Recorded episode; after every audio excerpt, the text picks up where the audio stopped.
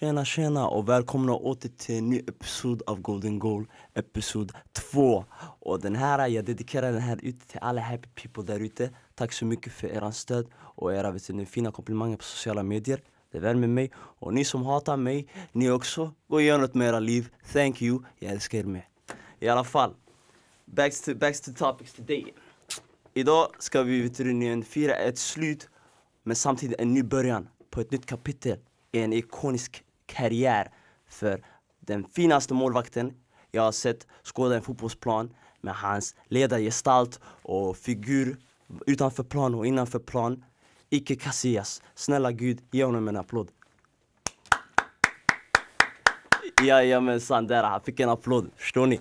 Um, Ike Casillas är utan snack mest inspirerande målvakten som stått bakom målburen och försvarat sitt lag i titelracer, i landslags... Vet du, um, uh, vad är det för något? Landslagsspel. Och um, han har varit med i alla eror av fotboll. Han var med i Galacticos 2002. Ni som vet vem Zinedine Zidane är. Halvvolley upp mot Leverkusen. Och den var, den var dangerous. Den var dangerous. Ja. Uh, Casillas, uh, han var med i Spaniens dominans också inom uh, världsfotbollen 8, 010, 012 014, det hände lite konstigheter där men prestationsmässigt och grabbarna var lite mätta på titlar och de kanske inte hade engagemanget och de ville inte, stöd, de ville inte um, spela fram för att få resultaten. Därför de åkte på stor torsk mot Holland där uh, var bästa spelaren i VM men han fick inte berömmen, som sagt i alla fall. Men det är en annan topic. Casillas um, har varit en trovärdig och en härlig tjänare till Real Madrid som spelare.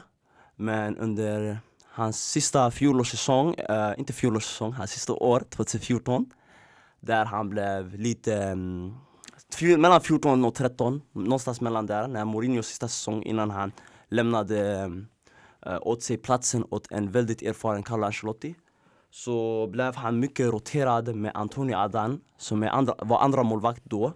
Nu representerar han en annan klubb i La Liga. Men ja, så um, han gick igenom lite problem där i träningsanläggningen och allt det där. Kanske han, du vet, butted heads, du vet, tjafsade lite med klagomål med Mourinho och annat. Om vart lagets um, målsättning var, ambitioner var och vart de skulle hamna eventuellt. Och um, Ja, han, det var bara mycket missnöje från uh, Casillas sida och missnöje från uh, Mourinhos sida. Vilket resulterade i en panikvärvning som man säger um, för att man tyckte Casillas bästa dagar var förbi. Och um, man värvade Diego Lopez in Diego Lopez från, om jag minns rätt, Espanyol. En 32-årig eh, Diego Lopez från Espanyol. Mycket, mycket vet du, en erfaren och mm, rutinerad, solid målvakt. Som är övrigt bra på det han kan. Kanske lite borde öva på att spela ut från backlinjen om han vill modernisera sig, sitt spel. Um, ja, men hans sista tid i klubben var inte så himla frid och fröjd. Han blev bänkad i den kända finalen där uh, Real Madrid vann sin eh, La Academica efter 12 år, 2014, för en viss Diego Lopez. Och efter det där, eh, han firade sin sista trofé innan realpresidenten Florentino Perez sa till honom att han inte ingår i framtida planer.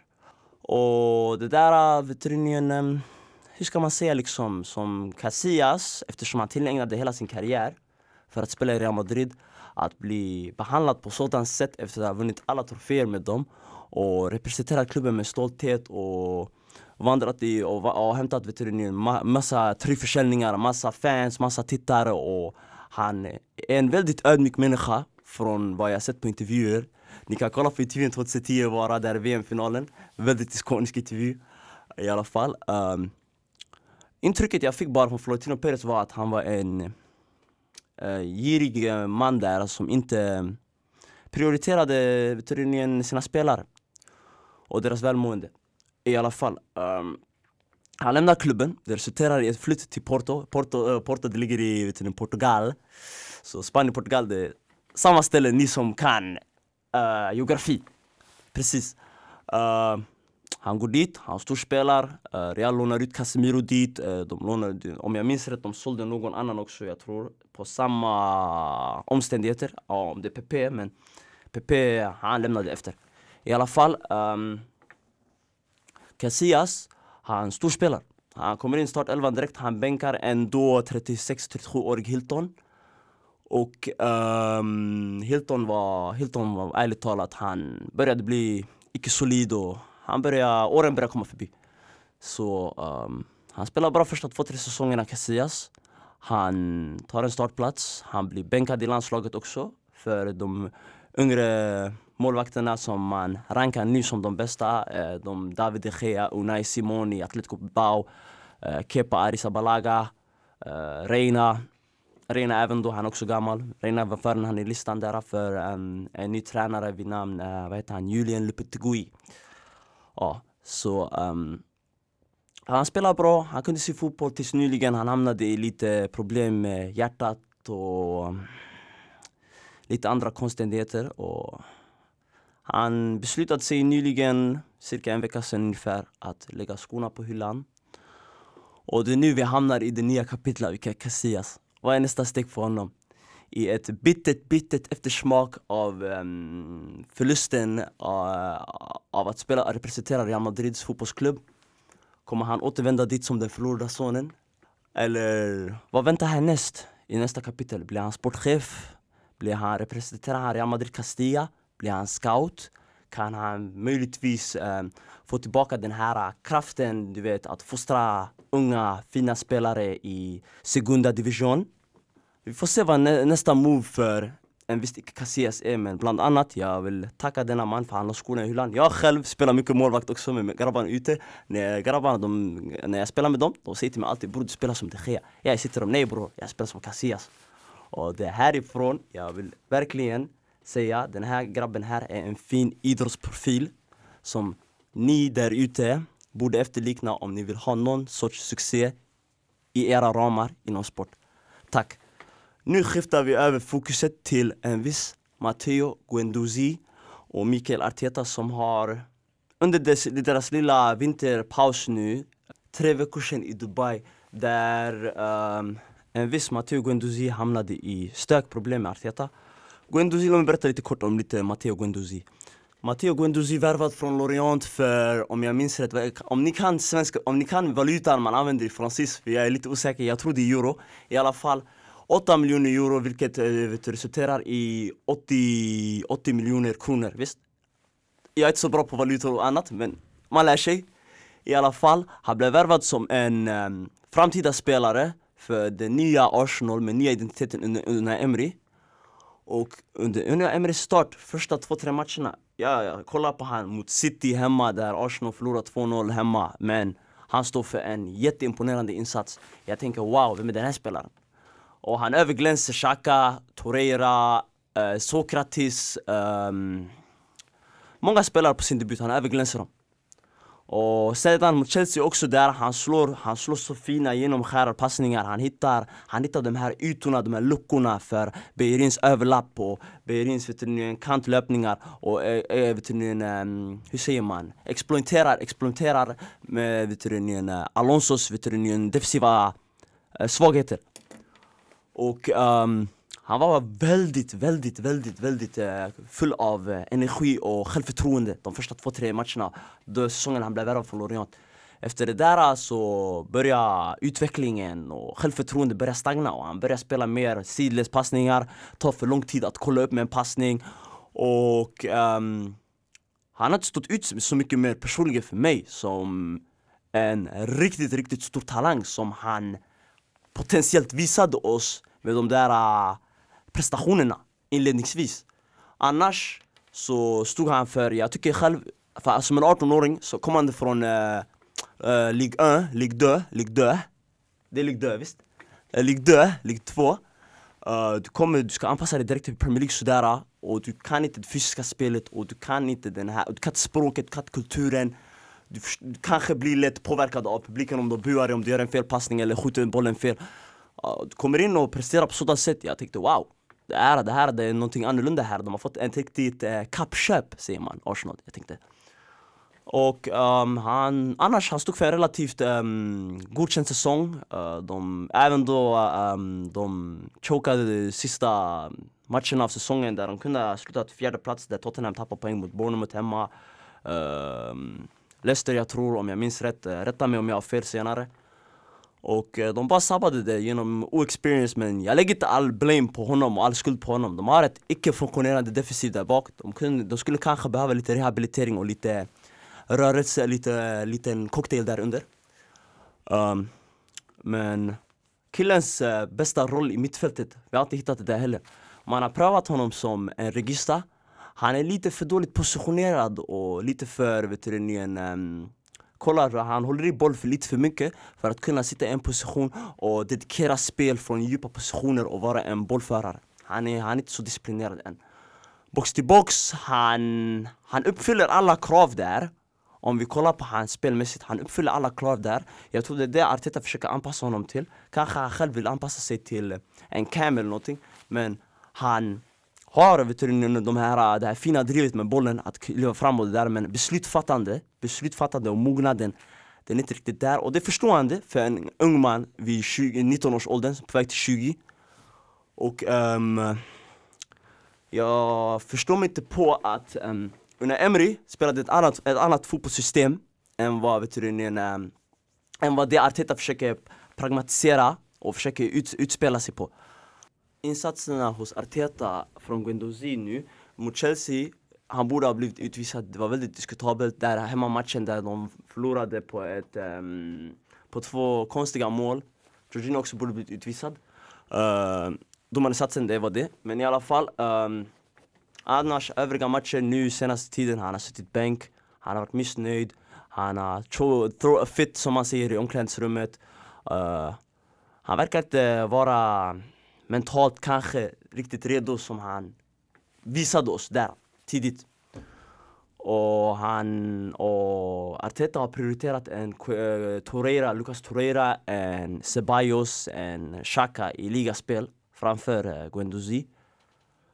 Eftersom att han inte hittar kanske ett spel för Guendouzi. Det som skulle kanske passa Guendouzi här nu, kanske låna ut han till um, eller nej, ge han lite tid för nu Arteta, om vi tänker så här Arteta blev anställd som inte en långsiktig lösning utan en han skulle bara sätta igång lite lätt av sitt spel. Den här säsongen här var misslyckad, totalt misslyckad. Så han blev insatt i den rollen han var i för att sätta ett spel som kan börja komma igång i sommar när han får en, två nyttiga värvningar på positioner där det behövs. Det låter rimligt, eller hur? Så um, vart de hamnar nu i säsongen, det spelar ingen roll. Säsongen i övrigt var misslyckande. Så de satsar på Europa League-spel. Men Guendouzi, uh, han och Arteta kommer, han och Arteta fallout ja. Guendouzi i det här fallet nu kan behöva en utlåning till en klubb i, i, i en lägre position i ligatabellen, kanske en Brighton, en uh, Newcastle. Där han kan ha mindre press på sina axlar, samtidigt njuta av sin fotboll. Så han kan veterinärerna uttrycka sig mer och förbättra sina weaknesses och göra dem till styrkor. Som ni förstår. Nu, det är för mycket vikt på hans axlar, han är 19-årig och sen nu kolla, när han inte presterar, jag till och med bedömer han nu felaktigt, jag tycker det är fel men samtidigt han har inte presterat så mina argument talar för och emot honom. I alla fall, uh, Guendouzi kan behöva en utlåning, i alla fall. Och sen, jag tycker om han blir utlånad, Arsenal förstärker där nere kanske med eh, Ibrahima Sankare i Tonlus, en fit eh, CDM. Kolla på han, gott folk, kolla på han. Youtube-klipp det finns. I alla fall, nu vill jag skifta fokuset till Champions League. Jag ska inte prata om de här matcherna för jag kommer spara någonting annat till er senare, en specialare. Ni får stay tuned, stay tuned. I alla fall, jag har tre spelare här nu på min huvud. På mitt huvud, på papper, på vad ni vill. Filterlöst. Jag kan säga till er, de presterar helt fantastiskt enastående i de här vet ni, stora mästerskapen. Först, vi börjar med Atalantas lilla Lionel Messi, Papu Gomez. Vilken, vilken spelare vi har där. Mm. Han är skicklig, han går in med sin högerfot. Han, han kan möta, vet du, en, um, ehm, vem är det han möter? Daniel Vass nu senast. Han gör, han gör fantastiska grejer med honom. Han, han får han i position, han viftar och trixar och mixar, skapar 10-12 målchanser. Roligt för han, den lilla mag-argentinaren. Ni som kollar på fotboll, ni vet Papu Gomez underrated. Eller ni kan välja mellan också hans kollega Josip Ilicic nu som har fått ett genombrott. Han, den här lilla slovenen också. Han, hans vänsterfot, magi. Kolla på hans mål mot uh, Torino där han Han skickar den från mitt plan upp i krysset. Målvakten Sirigu, han sover, han slaggar. I alla fall. Eh, Ilicic också. Han har alltid haft talangen och det där men han har inte fått ut det. Palermo, varken Palermo, varken Fiorentina. Nu i Atalanta, uh, han börjar hitta, um, hitta spot, som man kallar det. Hitta prime. Men jag tycker däremot att han har varit relativt uh, anonym karriären igenom. Han har varit i skymtan av Javier Pastore i Palermo. Uh, I skymtan av Giuseppe Rossi i Fiorentina. Korta, korta spelen i Fiorentina för Giuseppe Rossi. Och nu pallar Palermo, hans fotboll bländar, det bländar ögonen. En annan shuno, en annan, nej inte en annan shuno, fel ordval här. En annan individuell skicklig fotbollsspelare som utför sitt arbete elegant på fotbollsplanen. Det är Manchester Citys Fernandinho. Han är eh, vet du, Guardiolas vet du, lim till hela grejen. Han är limmet. Alla kan kolla på Kevin De Bruyne, kanske ibland de underskattar David Silva också. David Silva också är där underskattad men han börjar komma till lite till åren, det är ärlighet. Uh, Fernandinho, ni ser att en viss Pep Guardiola här denna säsong hade planerat att ersätta helt den mest uh, jämständiga, uh, jämna på matcher uh, spelaren i Fernandinho med spanskas, vet du, span, spanskas uh, yngre, yngre, yngre version av Sergio Busquets med lite segare vet du, en eh, positional play, som man säger. Eh, uh, Rodira, han har inte kommit till, hur ska man säga, han har inte kommit till hands med tempot av Premier League riktigt. Därför man kan se i matcher som, uh, vad är det, vilka är det? Wolves, Wolves, uh, Wolves borta, United borta, Lingard kommer fri positioner, Wolves borta. Han har svårigheter med Adama. Adama, alla har svårigheter med Adama Traore, Stöd till Adama Traore. Han hänger inte med Jimenez movement när han ska skugga honom. Uh, Han har stått för matcher som har varit um, ska inte säga direkt pinsamma men de har inte varit upp till um, standarden Manchester City har satt med 100 poäng och 98 poäng. De har gjort de här två kommande säsongerna med Fernandinho i mittfält. Och han är lite slöare på att läsa spel med och Fernandinho däremot, han har blivit satt mer som mittback där hans kanske begränsningar har blivit till mest när han möter en Jamie Vardy, en snabb Jamie Vardy, en snabb eh, Marcus Rashford. Några snabba strikers där runt i Premier League, ah. ja Där han har kanske mött sina eh, lite svagheter Men om Guardiola var riktigt smart nu och jag tycker han är överskattad, ni kan, ni kan tycka vad ni vill han skulle ha satt en fin eh, mittfältstvåa jag tycker. För ändå, han spelar aldrig ändå David Silva nu för tiden. Flytta över Kevin De Bruyne till nummer 10 Eller nummer 8 med mer fri roll Där han kan vinna boll på offensiv planhalva, defensiv planhalva Skapa målchans hur mycket han vill för han är dominant. Sju utav, nej inte ens sju. Nio utav tio matcher, killen är dominant. Han är, han är, han är MOTM, man of the match han borde sätta Rodri tillsammans med Fernandinho och lära sig att läsa spelet och lära sig Han kanske har lika bra passningsskicklighet, kanske bättre också passningsspelare. Men han har inte skickligheten av att läsa spel som Fernandinho gör. Han vinner inte lika mycket luftbollar som Fernandinho gör. Han är inte lika nyttig i grundspelet som Manchester, har, Manchester City har. Taktiska fouls också som Fernandinho gör, jätteviktiga för spelet. Det där är bara en grej Manchester City gör. Rodri, Rodri, Rodri borde sitta bänk man borde fasa in honom nu eftersom att man har sett det här att det kan inte funka bara för att man satt en stor prislapp på honom och köpte han för stor prislapp. Det finns något som heter adjustment genom time, genom tid. Så han kunde ha lärt sig kanske mer nu av att sitta i bänken i sidan och titta på Fernandinho. Eh, den sista spelaren jag tänkte nämna här nu på vet ni, den här eh, listan är Leipzigs målvakt Peter Gulashi. Som han också han har också vet du, varit en late bloomer, som man säger, du vet som en blomma, ett frö. Han blev vattnad lite senare än de andra. Han representerade Liverpool fotbollsklubb eh, 2007 till 2013 och han var inte i närheten av startelvan under Rodgers, under, under uh, Rafa Benitez, under Hodgson, under Kenny Dalglish. Han var inte nära startelvan, han var tredje eller fjärde option. Uh, han blev utlånad till uh, en variety av, en, en mångsidighet av klubbar. Han presterade väl där, men inte tillräckligt väl enligt eh, Liverpool fotbollsklubb för att kunna ta en plats. Eller en rotationsplats i truppen, behörigheter. Och han hamnade i Red Bull, Red Bull Salzburg. Och han storspelar. Han visar att Liverpool kanske, kanske i det där läget då när de kanske hade en miljonär, miljonär eller en skakig, eh, jag vet inte, Martin Kelly eller Adam Bogdan om jag minns rätt. Uh, han visade att han är betydligt mer komfortabel och solidare än de, det de tillför till spelet Liverpool um, behöver. Uh, han storspelade två säsonger i Salzburg tills han blev köpt av en annan klubb sponsrad av uh, Red Bull, Red Bull, um, hela Red Bull, hela Red Bull-grejen, hela Red Bull-grejen.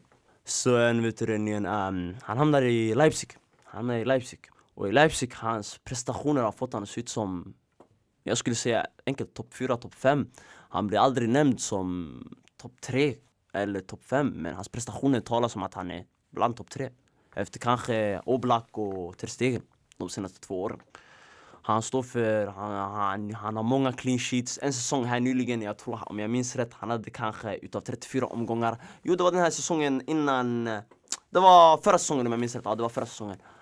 Han står för, vad är det? 18 eller 20 clean sheets på 34 omgångar. Det där, det där, det är typ kanske 70, upp till 70 procent. Så jag tycker killen, även om han har ett välfungerande försvar framför sig, han kanske har Obamecano nu, monster, fysiskt monster, någon dag jag kommer prata om han med er och berätta till er vilket monster den här killen är. Han har Konate, ett annat monster, kanske bättre än Obamecano. Willy Orban, uh, Klosterman, deras vänsterback, vad heter han? Jag glömde vad han heter, Stefan någonting eller jag har fel contact me later. Uh, han, de, de spelar bara den fotboll, han gör många räddningar, står för solida insatser, bra med händerna, bra med fötterna. Uh, bra straffräddare.